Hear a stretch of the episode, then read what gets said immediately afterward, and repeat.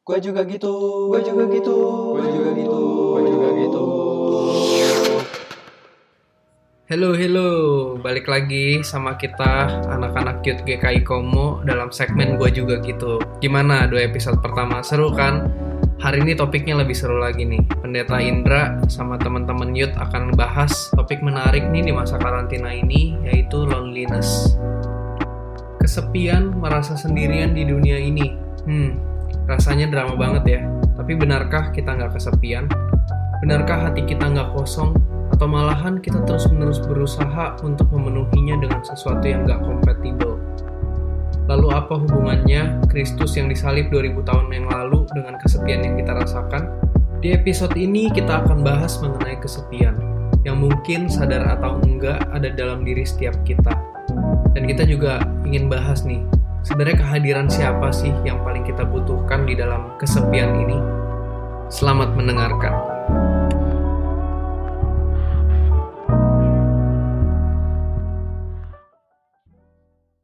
Oke, sekali lagi selamat datang teman-teman di podcast Youth GKI Komo episode ketiga. Kita hari ini bahas loneliness atau kalau dalam bahasa Indonesianya rasa kesepian, kesendirian. Ya, beberapa digambarkan dalam pandangan dunia sebagai sesuatu yang lazim mungkin kita rasakan. E, semua orang nggak bisa terhindar dari rasa kesepian. Mungkin beberapa contoh nih, di saat lu makan di kantin sendirian di tengah keramaian. Ini lebih cenderung ini ya, menyerang anak remaja sih. Rasa insecure yang dirasakan ketika lu sendirian di keramaian. Atau kesepian di saat lu di rumah nih, lagi covid kayak gini. Tapi lu ngerasa ortu nggak pernah perhatian sama lu, kakak adik nggak banyak komunikasi. Ya, atau bahkan sesimpel rasa kesepian yang kalian alami di saat lu tidur gitu dan bangun-bangun nggak ada notif yang muncul di HP dari siapa pun. Itu juga salah satu contoh gitu loneliness yang bisa kita rasakan. Yang menariknya, hal ini juga dirasakan oleh kita kalangan orang Kristen. Being lonely and being alone bukanlah hal yang sama. Bahkan riset mengatakan punya banyak teman juga bisa membuat lu merasa lonely atau kesepian ini. Ya, mungkin dari penjelasan singkat gue rasa udah gue juga gitu kan. Mungkin ya mostly dari kita pastilah ngerasa kesendirian, kesepian gitu. Secara singkat ini perasaan lonely didefinisikan sebagai sesuatu yang membuat kita ngerasa seperti terisolasi dari dunia atau apa pun yang bisa banget merantai ke banyak hal gitu. Rasa kesepian membuat lu merasa sedih, kosong, dan gak jarang berubah jadi kebencian kadang-kadang terhadap dunia ini. Bahkan nggak cuma ke dunia gitu, ke orang-orang tertentu lu bisa benci karena lu ngerasa kesepian ini atau bahkan yang lebih parahnya lagi ke diri sendiri yang juga jadi isu besar dalam dunia kekristenan ya yaitu bunuh diri mungkin. Nah, bagaimana dengan kita kalangan orang Kristen? Apa yang membuat kita nggak terlepas dari loneliness ini juga? Bukannya Roh Kudus katanya selalu beserta kita. Tapi tetap banyak nih keluhan-keluhan dari anak-anak remaja, pemuda Kristen di seluruh dunia yang tetap merasa kesepian. Kira-kira apa sih teman-teman yang jadi penyebab itu semua gitu? Ya itu yang kita kurang lebih mau coba bahas di sini. Kita mau coba bereferensi dari satu ayat nih. Dari Habakuk 1 ayat 2 sampai 3. Berapa lama lagi Tuhan aku berteriak tetapi tidak kau dengar. Aku berseru kepadamu penindasan tetapi tidak kau tolong. Mengapa engkau memperlihatkan kepadaku kejahatan sehingga aku memandang kelaliman? Ya, aniaya dan kekerasan ada di depan mataku. Perbantahan dan pertikaian terjadi. Bukankah ayat ini secara literal juga dapat diterima ya oleh kita kalangan orang Kristen? Apakah Tuhan bisa membiarkan kita merasakan lonely di tengah janjinya yang menyertai kita melalui Roh Kudus? Ya, kalau menurut gua yang menarik adalah orang itu bisa merasa lonely, bisa merasa kesepian, meskipun di sekelilingnya tuh rame gitu. Ada teman-temannya, jadi kalau nggak salah makan di kantin bareng ya. Menarik kan lu lagi di kantin, lu lagi makan bareng, makan bareng, which is sekeliling lu adalah orang ngobrol, ketawa-ketawa. Hmm. Tapi dalam hati mungkin lu bilang kalian nggak kenal siapa aku, gitu kan. Kita kayak orang yang lu tahu nggak gue kesepian? Itu drama banget loh menurut gue tuh bener-bener. Hmm. kok bisa kayak gitu ya? Orang eksternalnya itu nah ini mungkin gue mau menjawab uh, ini ya gue ingin sedikit men-trigger ya, sedikit silakan dipaparkan saja. Jadi kita tuh punya loneliness tuh sebetulnya internal bukan eksternal. Kita punya temen kok. Kita punya uh, komunitas, misalnya komunitas orang suka main catur misalnya, atau komunitas PUBG atau komunitas sepeda misalnya. Kita punya komunitas, tapi kita tetap nggak ngerasa mereka tuh apa namanya mengisi kekosongan yang ada di dalam diri kita. Jadi gue rasa ini sifatnya internal bukan eksternal. Rasa loneliness itu singkatnya gue mau bilang tidak bisa dimusnahkan hanya dengan bertemu dengan orang. Berarti lo harus bertemu dengan bukan hantu ya, bukan orang, tapi lo bertemu dengan Tuhan menurut gue. Lo harus ketemu sama dia. Sebaliknya nih, orang yang temennya dikit, ya mungkin di Instagram atau di Facebook followers lebih sedikit daripada orang lain, tapi dia rasa itu cukup buat dia, nggak apa-apa gitu. Gue sih mikir ya, karena gue ini gue cerita sedikit ya jadi gue banyak aja yo cerita biar nggak kelihatan banyak aja kok gue bilang dikit gitu jadi gue tuh punya komunitas juga gitu di game gue COC nah, bukan CSGO jadi gue tuh main sama mereka udah tiga tahun lah. Nah itu orangnya tuh ya bukan yang bocah gitu loh kayak paling seumuran lu gitu loh kok 30 gitu loh. Jadi udah om-om gitu mainnya. Jadi gue om om jadi kurang ajar serius ya, maksudnya ya iyalah gitu lah. Tapi maksudnya, maksudnya gitu loh. Aduh kan jadi ngomong gue iya iya iya. Lu punya komunitas. Ya, terus jadi, terus terus? ya karena dia tuh udah lebih dewasa dari gue jadi kadang gue merasa ini itu loh maksudnya ini loh teman-teman gue yang dari dulu gue main gitu. Yang yang kalau main gue panggil om terus kalau misalnya ada apa-apa gue cerita gitu. Cuma di samping rasa nyaman itu ya gue ngerasa nggak sedekat itu, senyaman itu. Walaupun kadang gue gue bilang ini loh rumah gue gitu loh di sini gitu. Jadi gue mikir mungkin orang itu nggak tahu siapa gue yang tadi lu bilang kan. Dia nggak tahu siapa gue dan dia juga nggak tahu gimana hidup gue gitu loh. Hmm. Mungkin gue cerita gitu kan kayak ini loh hidup gue kayak gini, tapi gue nggak seterbuka itu ke mereka gitu loh. Jadi gue kadang ketawa sih ketawa main gitu kan dari sore sampai malam kadang-kadang mereka kan harus jaga anak soalnya ya setelah itu ya udah gue kosong aja gitu. Nggak merasa apa-apa gitu. Cuma sebatas ya temen aja gitu. Nggak merasa gue tuh punya temen gitu loh. Menarik nih. Gitu sih. Jadi lu nggak nganggap mereka teman gitu? Bukannya gitu bang. Cuma gue nganggap mereka teman cuma ya gue nggak bisa mendeskripsikannya sih gue juga bingung gitu. Iya intinya kan lu berelasi kan. Lu main game bareng. Nggak deket lu, gitu lah ya Iya nongkrong bareng tapi nggak ada kedekatan, cuma sekedar teman main. Muka juga lu lihat ya sih mukanya? Lihat. Tapi cuma sekedar lihat di layar aja kan? Iya. Yeah. Jadi duduk bersama belum tentu bersahabat ya. Teman itu beda banget sama sahabat. Iya, yeah, menurut gue juga ini isu yang menarik sih. Banyak tingkat ini kan tingkat persentase bunuh diri hmm. belakang-belakangan ini juga makin naik tuh. Yeah, karena yeah, yeah, merasa yeah. kesepian, merasa nggak dianggap sama komunitas, sama lingkungan sekitar gitu kan. Yang buat menarik manusia itu diciptakan buat berteman gitu. Di awal penciptaan tidak baik manusia itu seorang diri katanya.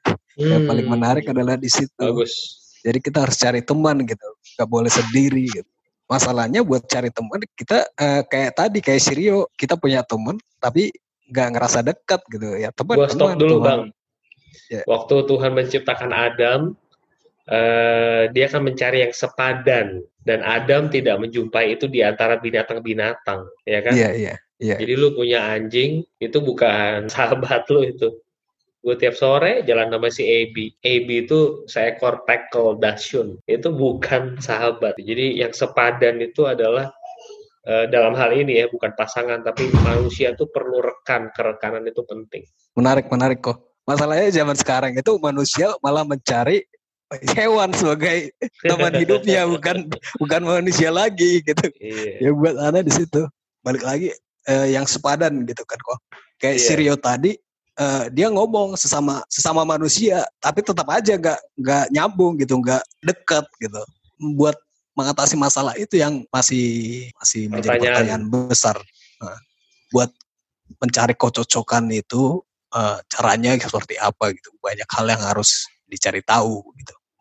Kalau gue ya jadi kepikir satu ayat Yohanes 15 Yesus itu adalah sahabat kita. Terus juga Alkitab mengatakan tidak ada orang yang mau mati buat orang lain. Tapi Yesus itu sebagai sahabat kita, dia mau mati buat kita. Sampai hari ini gue tetap memiliki satu keyakinan bahwa Yesus itu Tuhan dan Juru Selamat, maka setiap orang di dunia ini harus mempertimbangkan, mau nggak saya percaya sama dia? Mau nggak saya menerima dia sebagai Juru Selamat? Gue punya keyakinan kalau kita percaya dia, percaya Yesus Kristus sebagai Tuhan dan Juru Selamat, dia masuk di hati kita, Ingat ya, tadi di awal gue membicarakan mengenai hal-hal yang bersifat internal, bukan eksternal. Jadi Yesus itu betul-betul terinternalisasi di dalam diri kita, gue yakin rasa loneliness itu bisa dikontrol karena sifatnya internal bukan eksternal. Udah banyak lah teorinya, misalnya apa ya, uh, manusia nggak bisa dipuaskan lewat uang, lewat seks, lewat kuasa, tahta, tapi manusia tuh puas itu harusnya di dalam dia.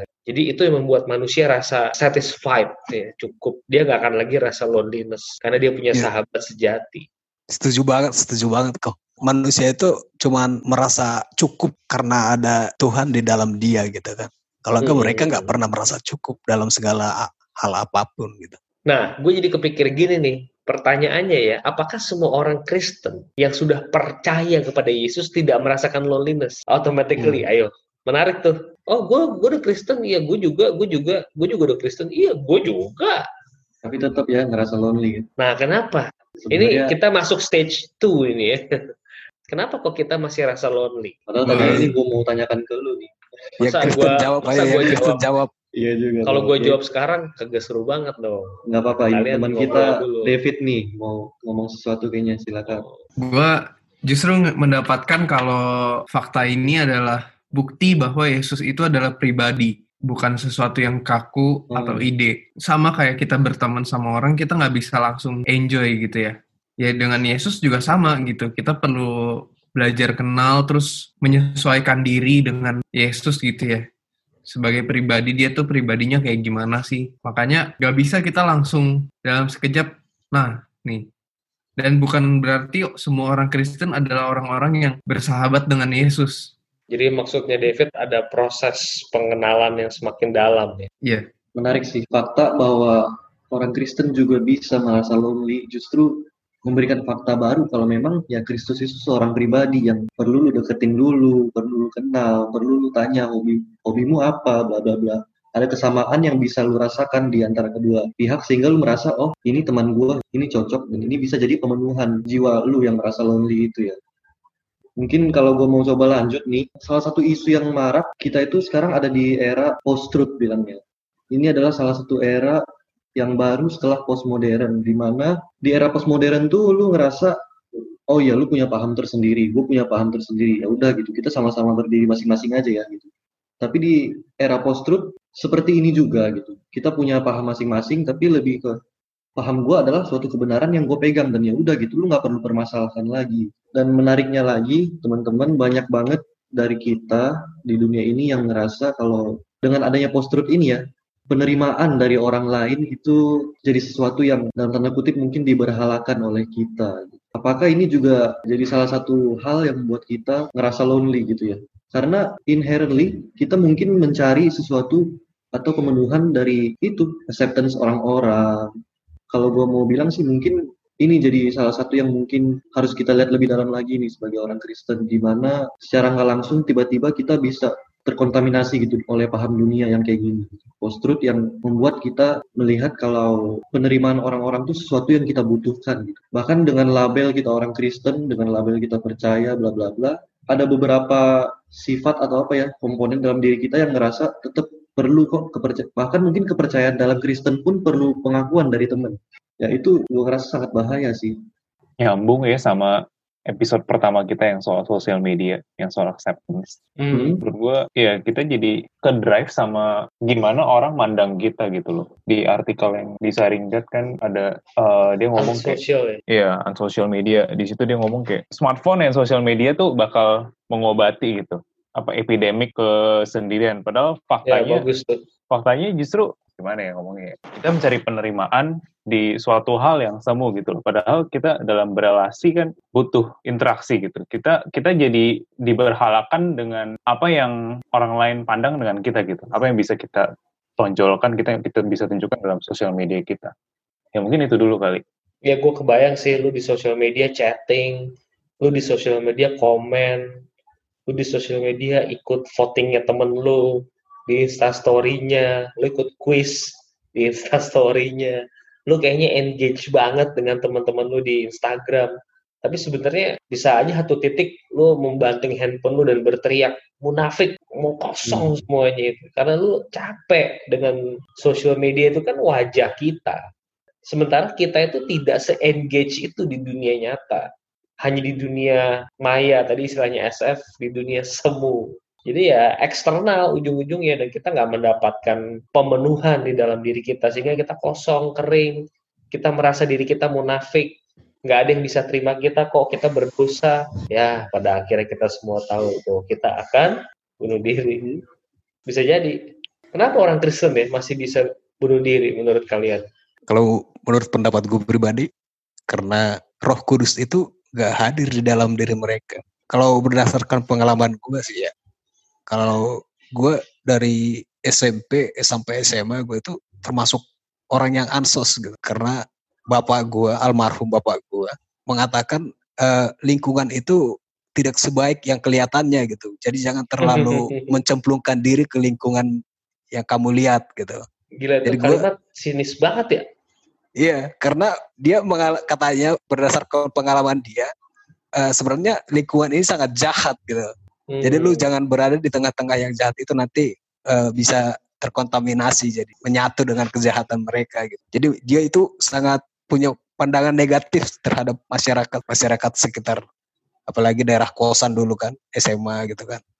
Jadi gue cukup membatasi diri dia sama pergaulan lingkungan gitu. Hmm. Munafik, munafik nih, munafik nih. Ini pada munafik nih. Ini juga nih munafik nih. Ini wah itu wah munafik gitu. Ini kalau di film-film yang bapaknya begini biasanya anaknya jadi superhero ini. Jangan-jangan Bang Dolok. Terus gue lanjutin kan, gue jadi membatasi. Jadi di samping itu gue butuh sesuatu dong buat bercerita gitu. Biar gue gua merah, gak merasa kesepian kayak tadi tuh, loneliness. Cara gue sendiri buat menutupi kesendirian itu, gue termasuk orang yang punya imajinasi gitu. Jadi gue punya teman di dalam pikiran gue gue bisa buat teman di dalam pikiran gue gitu jadi gue bercerita sama teman gue dari baca sih dari baca untuk menutupi kesepian itu solusinya salah satunya menurut gue membaca. Jadi dengan lo membaca lo bisa kayak berinteraksi cuman uh, pasif sama aktif gitu. Buku apa aja yang lo baca? Awalnya sih buku Alkitab Alkitab Waduh, berat yang paling menarik itu. Makanya gue makanya imajinasi gue juga aneh-aneh karena baca kitab-kitab Daniel gitu kan. Yang tiba-tiba ada hewan muncul tanduknya empat tujuh segala hmm. macam. hmm. Terus bahasanya yang paling menarik bahasanya di Alkitab ini agak berliku jadi agak susah dicerna lu baca empat kali lima kali baru bisa agak ini dapat maknanya gitu hmm. makanya gue sering jatuhnya gue jadi sering nulis gue nulis makanya catatan gue cukup refleksi banyak. lu iya catatan hmm. gue cukup banyak dan gue baca lagi catatan gue jadi refleksi pribadi menutupi kesendirian itu dengan cara seperti itu. Bagus nih. Sebetulnya yang Dolok lakukan itu bukan hanya sekedar membaca Alkitab loh menurut gue. Ini udah mungkin udah klimaks dari podcast kita nih. Gue seneng. Maksudnya hmm, jangan orang itu membaca Alkitab itu sebetulnya dia tidak membaca Alkitab seperti orang membaca buku Martin Kangenan tahu gak sih lu pada? Kagak. Wah, nggak tahu. Beda angkatan kok. Tahu sih yeah. kayaknya, tapi gue agak lupa sih. Fisika bukan ya? Fisika, fisika, nah, bener, bener, bener. Itu yang sama angkatan bisa jawab. Nah, itu tuh agak mirip angkatannya. Iya, kita baca Alkitab tuh nggak kayak kita baca buku fisika.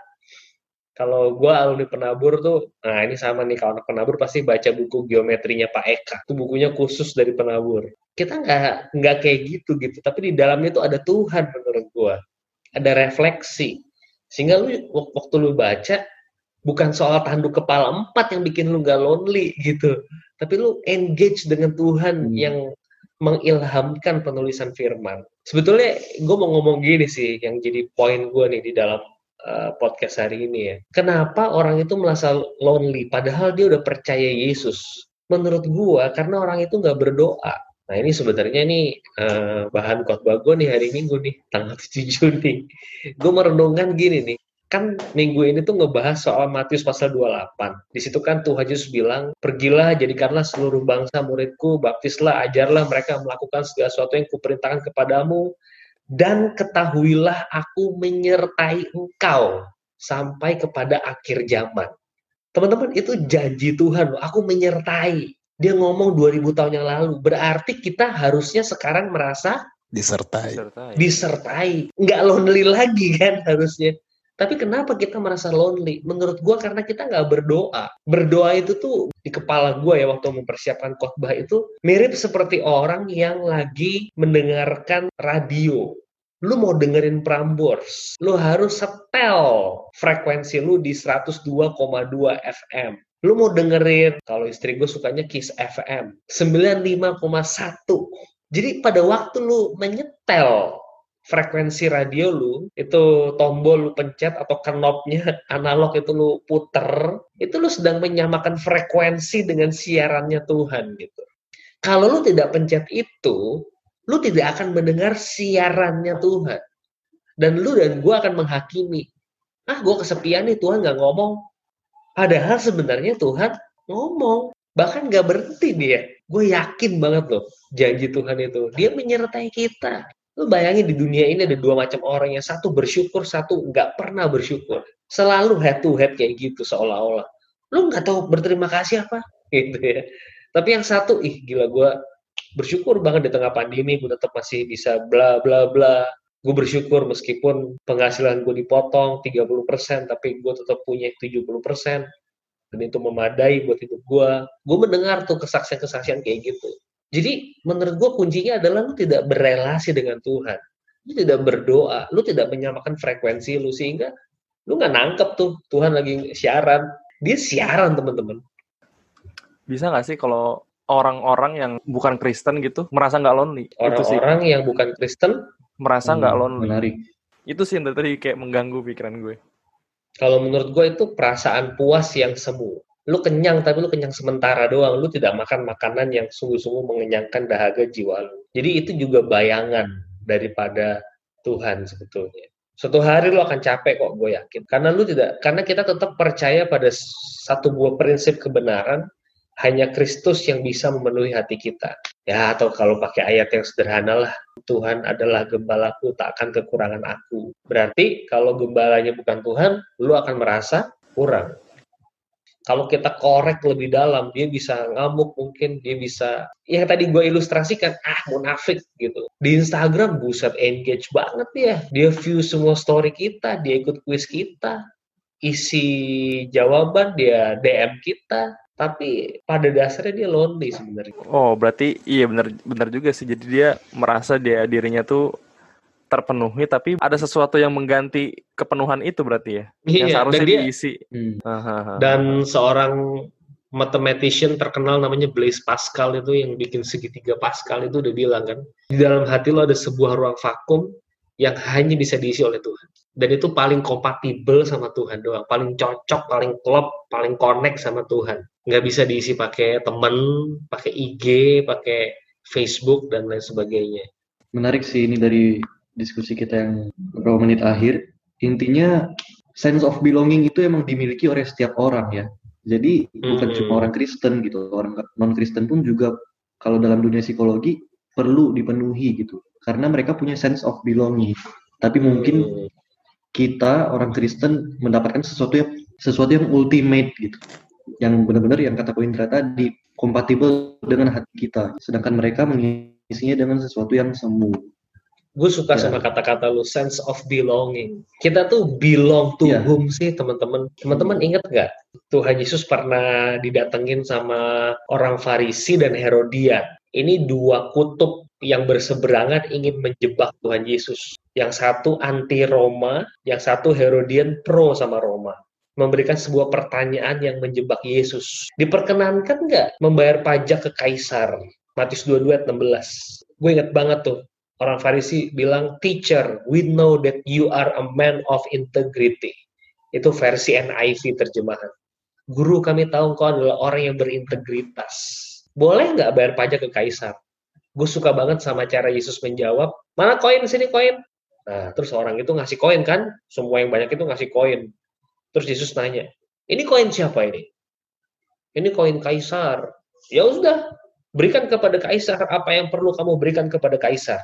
Kalimat Yesus yang kedua, berikan kepada Allah apa yang menjadi haknya Allah. Teman-teman, kalau gambarnya kaisar itu koin, kalau gambarnya Allah itu apa? Kita. Itu percakapan kalau kalau misalnya orang Farisi dan Herodian kritis akan nanya, terus gambar gambarnya Allah apa? Tuhan Yesus akan jawab, gambar Allah adalah kamu. Kamu harus memberikan dirimu kepada Tuhan. Wah, itu itu tafsirannya Raffi Zacharias sih. Gue berulang kali dengar khotbah dia di bagian itu keren banget menurut gue ya kita itu gambarnya Allah, kita belong to Him, kita miliknya dia, mesti dibalikin ke dia. Kayak ibarat apa ya manual book, lu manual book lu baru beli handphone atau baru beli TV, lu baca dulu. Kalau sekarang sih mungkin pakai YouTube kali ya, tutorial YouTube semua ya. Laptop lah versi ini udah ada gimana cara menggunakan. Lu perlu kan tutorial itu kan. Nah, kalau lu mau tahu tutorial tubuh spiritual lu secara natural, balik sama Tuhan. Tanya sama dia, eh gimana sih Tuhan cara ngatasin kekosongan yang ada di jiwa. Tuhan akan jawab, ya marilah kepadaku semua yang letih lesu dan beruban berat. Uh, nyambung sama sense of belonging itu, tadi Wendrik sempat singgung kan tentang post-truth. Gue pernah dengar kalau post-truth nih cabangnya postmodern. Posmo? Ya, level baru dari postmodern gitu ya. Iya, kayak level barunya postmodern di mana postmodern itu kebenaran lu, kebenaran lu, gua gua. Tapi setiap orang di ujung yang satu dengan ujung yang lain itu mereka sama-sama sebenarnya mencari mana yang benar, mana yang salah. Tapi mereka mengklaim kalau uh, kalau menurut gue benar ya uh, benar, kalau menurut lu benar ya bisa benar juga. Sementara di post-truth ini orang udah nggak peduli sebenarnya sama apa yang namanya kebenaran. Kebenaran lu, kebenaran lu, gua gua. Kenapa? Bukan karena gua merasa ini benar, tapi karena gua suka.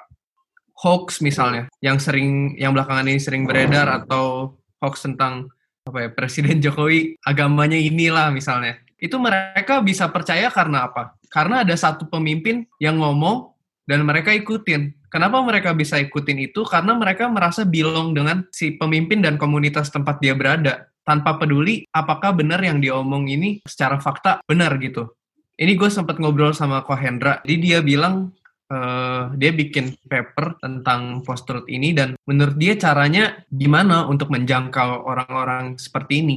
Nah, tantangan barunya adalah untuk mengasihi. Tadinya kita pakai hand untuk bekerja, pakai head untuk berpikir melawan argumen-argumen di dalam postmodern. Sekarang kita harus punya heart untuk orang-orang di post truth ini. Nggak cukup cuman hand sama head doang.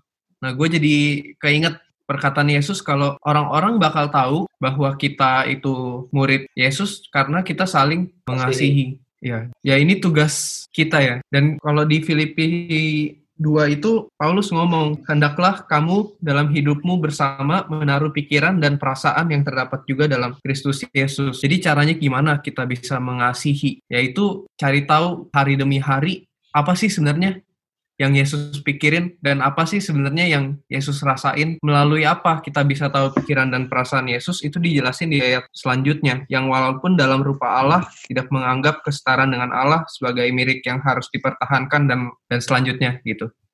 Oke, menarik sih yang dipaparkan David. Sebelum lu ngomong tadi sebenarnya gue mau kasih satu pertanyaan gitu. Apa sih momen konkret yang bisa orang Kristen rasakan sehingga orang Kristen nggak ngerasa lonely karena ada Yesus Kristus gitu. Ya gue rasa itu jawabannya gitu. Loneliness itu hilang, nggak akan kita rasakan lagi setelah yang kita rasakan dari Kristus itu adalah kasihnya gitu. Dan itulah yang uh, lebih ultimate mungkin yang perlu kita rasain lu jelaskan dengan banyak tadi itu benar membantu sih. Mungkin kalau dari yang tadi David cerita gue jadi mikir kita orang Kristen jangan sampai otak kita penuh, head kita penuh, tapi kita nggak punya heart buat orang karena orang itu nggak membutuhkan pengetahuan kita.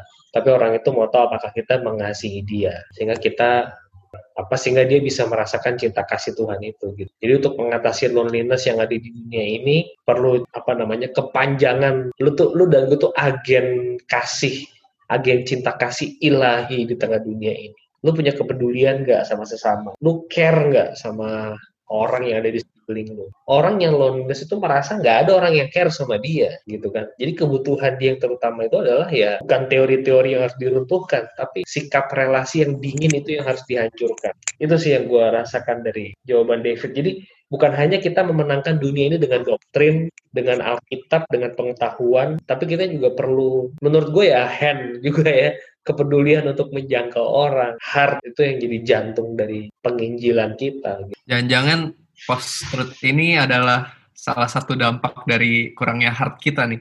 Jadi. Dan memang kan sekarang zamannya pluralisme menurut gua. Kenapa bisa ada post-truth karena pluralisme? Janganlah menganggap diri lu paling benar gitu. Sombong banget sih lu, hmm. lu paling benar. Itu dari mana lu paling benar gitu. Itu pertanyaan epistemologi gitu. Tapi ya kita bukan mas kita yakin kita benar, tapi kita juga menunjukkan keyakinan kita dengan terhormat. Sehingga orang lain nggak merasa bahwa kita itu sok gitu ya. Tapi kita sungguh-sungguh mengasihi dia. Gue uh, gue merasa kalau benar-benar kasih itu yang kita butuhkan karena Tuhan sendiri udah memprioritaskan hal tersebut gitu ya pada saat dia datang ke dunia. Jadi memang apa yang paling kita perlukan itu yang Tuhan berusaha penuhi yaitu pada saat Adam dan Hawa jatuh ke dalam dosa mereka kan cari Tuhan di mana Tuhan di mana mereka ngomong gitu. Uh, jadi itu memang dampak langsung dari dosa gitu, uh, perasaan loneliness itu. Loneliness dari apa? Dari Tuhan. Mungkin yang tadi kita bahas itu ada yang gak ngerasain loneliness juga loh. Kenapa selama di dunia ini gak semua orang merasakan loneliness kalau gitu? Padahal itu kan dosa yang langsung berdampak pada Adam dan Hawa kan. Tuhan ke mana dia, dia cari gitu. Karena memang kita selama ini bisa seolah-olah bisa mengisinya dengan cara-cara yang fana. Dan mungkin kita nggak sadar gitu ya kalau ternyata kita masih kosong. Jadi kita sebagai orang Kristen gimana? Kenapa kita harus mengasihi? Karena selama ini dunia haus akan kasih dan mereka nggak sadar akan hal itu. Mereka baru sadar mereka kekurangan kasih itu di dalam kekekalan. Yesus sudah lihat itu duluan, makanya dia datang ke dunia duluan. Dan pada saat itu juga kita yang melihat Yesus baru sadar nih, wah gila ternyata gue kurang kasih nih. Sama kayak domba yang lagi makan di rumput hijau, kita bisa lihat dia adalah sesuatu yang putih gitu kan. Tapi kalau dia berdiri di atas salju putih, baru kita bisa lihat, wah ini domba nih kotor nih. Sama di dalam merasakan kasih Kristus, kita sadar ternyata kita kekurangan nih, kekurangan kasih. Wah, untuk menget, untuk menyadari, eh, untuk mengakui bahwa kita kekurangan kasih itu perlu kerendahan hati ekstra itu. Hmm. Lu baru bisa terima hadiah kalau tangan lu kosong. Kalau tangan lu pegang hadiah, lu nggak akan mau terima hadiah karena lu merasa lu punya barang gitu. Lu baru bisa mengatasi loneliness kalau lu pegang sesuatu dan lu bisa hmm. share ke orang lain. Tapi kalau lu kosong, lu alone, lu nggak akan pernah bisa mengatasi loneliness itu. Dan yeah, secara gitu. aplikatif ya, kalau boleh diaplikasikan praktis, apakah lu dan gue itu adalah a praying Christian? Kalau kita orang Kristen yang berdoa, ya kita menyerahkan itu kepada Tuhan. Tapi kalau kita orang Kristen yang nggak berdoa, itu masalah kita pegang sendiri dan kita akan kecapean bawa itu sendiri. Dan doa itu juga menurut gue nyambung dengan cinta kasih. Lu berdoa bukan karena lu harus berdoa. Bukan. Lu berdoa karena lu mengasihi Tuhan. Wah, ntar kalau belum berdoa, ntar gue ditanya lagi sama temen gue. Berdoa belum lu tadi pagi? Belum. Jadi lu berdoa. Lah, lu kok berdoa supaya ditanya temen, supaya dilihat sama temen udah doa atau belum, atau nyokap bokap lu, wah ini anak kok belum, gue kok belum lihat dia tutup mata ya. Itu bukan doa gitu. Jadi menurut gue itu juga lahir dari cinta kasih. Ada kasih di dalamnya. Gue jadi keinget Matius 22, 37 sampai 40. Ayat itu berasal dari ulangan 6 ayat 4 sampai 9. Itu hukum yang terutama. Kasihilah Tuhan Allahmu dan kasihilah sesamamu. Hukum yang kedua bergantung pada hukum yang pertama. Hukum yang kedua meaningless kalau nggak ada hukum yang pertama. Jadi teman-teman kalau lu mau membuat dunia ini hangat, bisa merasakan cinta kasih gitu kan, ya lu harus punya hubungan yang intim sama Tuhan menurut gua. Kalau lu punya itu, lu lu adalah orang yang keisi gitu ya. Lu keisi tanda petik keisi sama Tuhan. Lu tuh ada isinya gitu. Bukan setan ya, tapi lu lu tuh orang yang ada isinya. Ada Tuhan di dalam. Lu akan otomatis lu akan jadi kepanjangan tangan Tuhan untuk menghangatkan dunia yang dingin ini. Ya, gue dengar satu orang ngomong, bukan satu orang lah banyak. Ini masalah rasisme di Amerika Serikat. George Floyd ini ini bukan masalah skin, bukan masalah kulit, tapi ini masalah sin. Ya teman-teman, jawab dalam hati aja ya, nggak usah diomongin malu. Kita pasti di di sini nih, kita nih merasa ras kita paling bagus, ya kan? Yang orang Tionghoa merasa, oh orang Tionghoa dong. Yang orang, orang apa nih? Orang Batak nih, gila serem nih gue kalau ngomong orang Batak. Orang Batak ngerasa, wih orang Batak dong. gitu kan. Yang orang Subang ya, orang Subang ngerasa, Weh, orang Subang dong nih. Jadi kita tuh masing-masing tuh ngerasa bahwa rasanya tuh paling bagus. Itu sebenarnya bukan masalah rasisme loh, itu bukan. Itu tuh masalah sin yang ada di dalam hati kita. Jadi ujung-ujungnya adalah relasi dengan Tuhan lagi tuh. Kalau gue sih tetap patokannya di situ. Jadi itu tadi yang gue bilang, Tuhan itu siaran, lu nggak tangkep frekuensinya. Karena lu nggak berdoa. Jangan bilang berdoa tuh gini ya, berdoa yang tutup mata, di tangan, tapi lu tidak sungguh-sungguh mengasihi dia sampai kapan pun kalau lu nggak punya cinta kepada Tuhan, lu baca Alkitab, lu tidur pasti ngantuk. Lu doa, lu juga malesnya bukan main doa. Karena lu nggak punya passion, lu seperti Farisi yang sekedar menjalankan. Tapi kalau lu punya love God di dalam hati lu, lu pasti akan love the human kind, gitu. Lu akan mengasihi manusia di dunia ini. Orang akan ngerasa nggak sendirian. Ya kuncinya lu nggak boleh ngerasa sendirian dulu kalau lu nya lonely, lu ngomong sama orang, ya omongan lu ngomong kosong semua, kagak ada rasa. Kemarin uh, pendeta Steve Tong bikin satu eksperimen. Institut Teknologi Calvin tuh sekolah di universitas itu kan ada asramanya.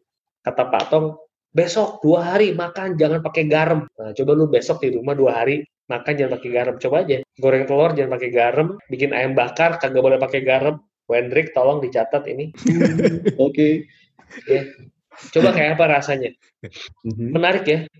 Gak boleh pakai garam. Gue goreng telur gak pernah pakai garam. Gak asik banget lu. kan gorengnya pakai mentega. Hidup lu kurang berwarna bang.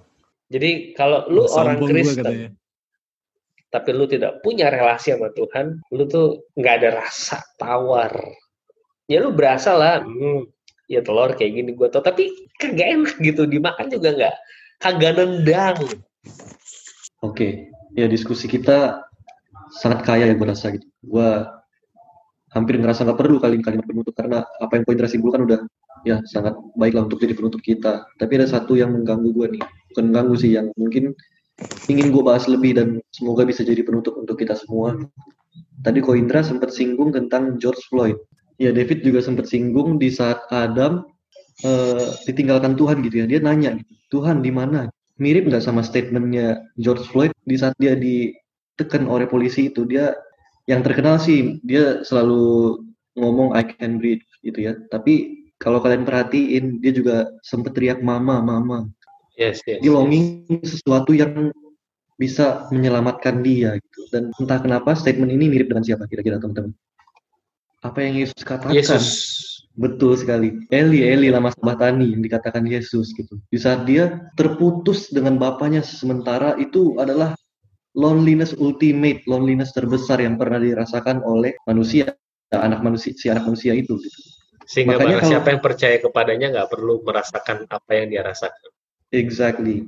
Benar-benar apa yang tadi selama ini kita bahas gitu. Kenapa sih konkretnya Kristus saja cukup untuk memenuhi kasih kita? Karena wow, momen yang dia alami itu benar-benar juga adalah contoh kasih terbesar di saat dia rela mati untuk kita itu wujud kasih dan pasti bisa dirasakan oleh kita. Itu yang tadi Koindra sempat bilang itu yang dimaksudkan dengan kompatibel dengan hati kita. Kalau gue boleh tutup, kita sama-sama ini berenung dari ayat Yohanes 16 ayat 7 dikatakan namun benar yang kukatakan ini kepadamu adalah lebih berguna bagi kamu jika aku pergi. Sebab jikalau aku tidak pergi, penghibur itu tidak akan datang kepadamu. Tetapi jikalau aku pergi, aku akan mengutus dia kepadamu. Ya ini statement yang benar-benar bisa jadi basis lah buat kita orang Kristen untuk nggak lagi merasa lonely teman-teman.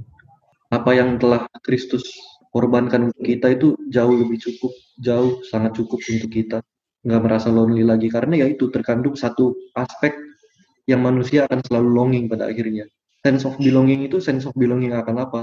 Akan kasih yang telah dipenuhi oleh Kristus. Ya itu saja dari gua mungkin Ko Indra boleh tutup doa atau Ya itu tadi udah cukup menurut gue ya bagus banget yang Wendrik sampaikan.